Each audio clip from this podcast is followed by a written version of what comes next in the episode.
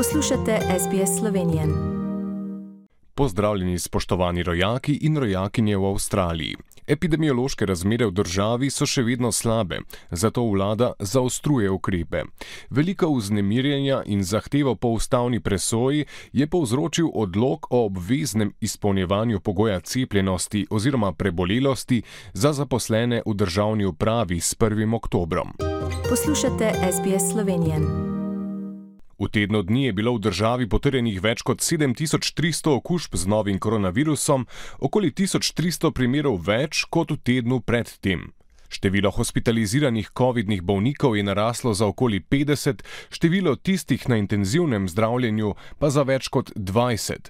Umrlo je 30 COVID-nih bolnikov, dvakrat toliko kot v tednu prej. Kljub črni statistiki pa je zaostrovanje ukrepov med nekaterimi slovenci zelo nepriljubljeno. Pred parlamentom se je zato v sredo že drugi teden zapored zbrala množica, ki nasprotuje zaostritvam. Tokrat je shod minil brez izgledov in nasilja. Poslušajmo izjavo pobudnika protestnega shoda. In zdaj so se odločili, da nam ljudem dokončno zategnejo zanko okrog vratu zadnjim neustavnim, nezakonitim in najbolj nečloveškim odlokom v zgodovini Slovenije, ki se mu reče PC. Premijer Janez Janša je na ponedeljkovi seji državnega zbora odgovarjal tudi na poslanska vprašanja o domnevnih lobističnih stikih z največjimi slovenskimi dobavitelji v zdravstvu.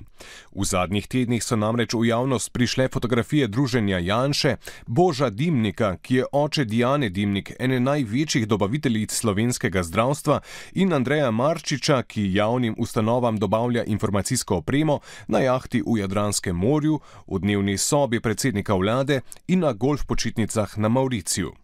Premijer je zavrnil očitke in dodal, da poslovneži pri njem ne lobirajo, ker da vedo, da on ni tarča za to.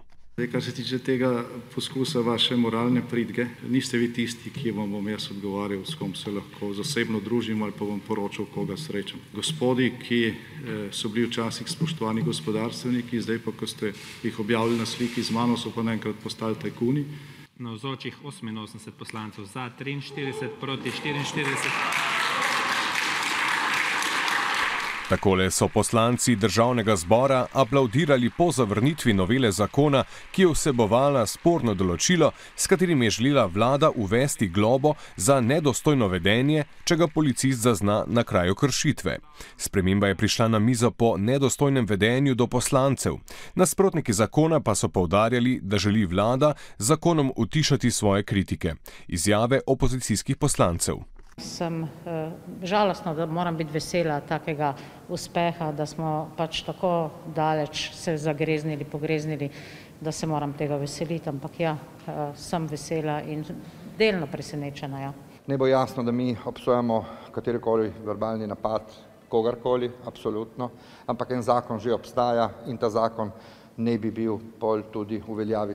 Evropska komisija je Sloveniji izplačala prva evropska sredstva za okrevanje po pandemiji in sicer v višini 231 milijonov evrov.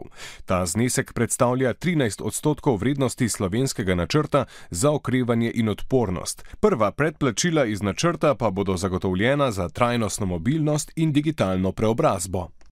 Končajmo s športnim uspehom slovenskih odbojkarjev. Naša reprezentanca je v nedeljo osvojila drugo mesto na Evropskem prvenstvu.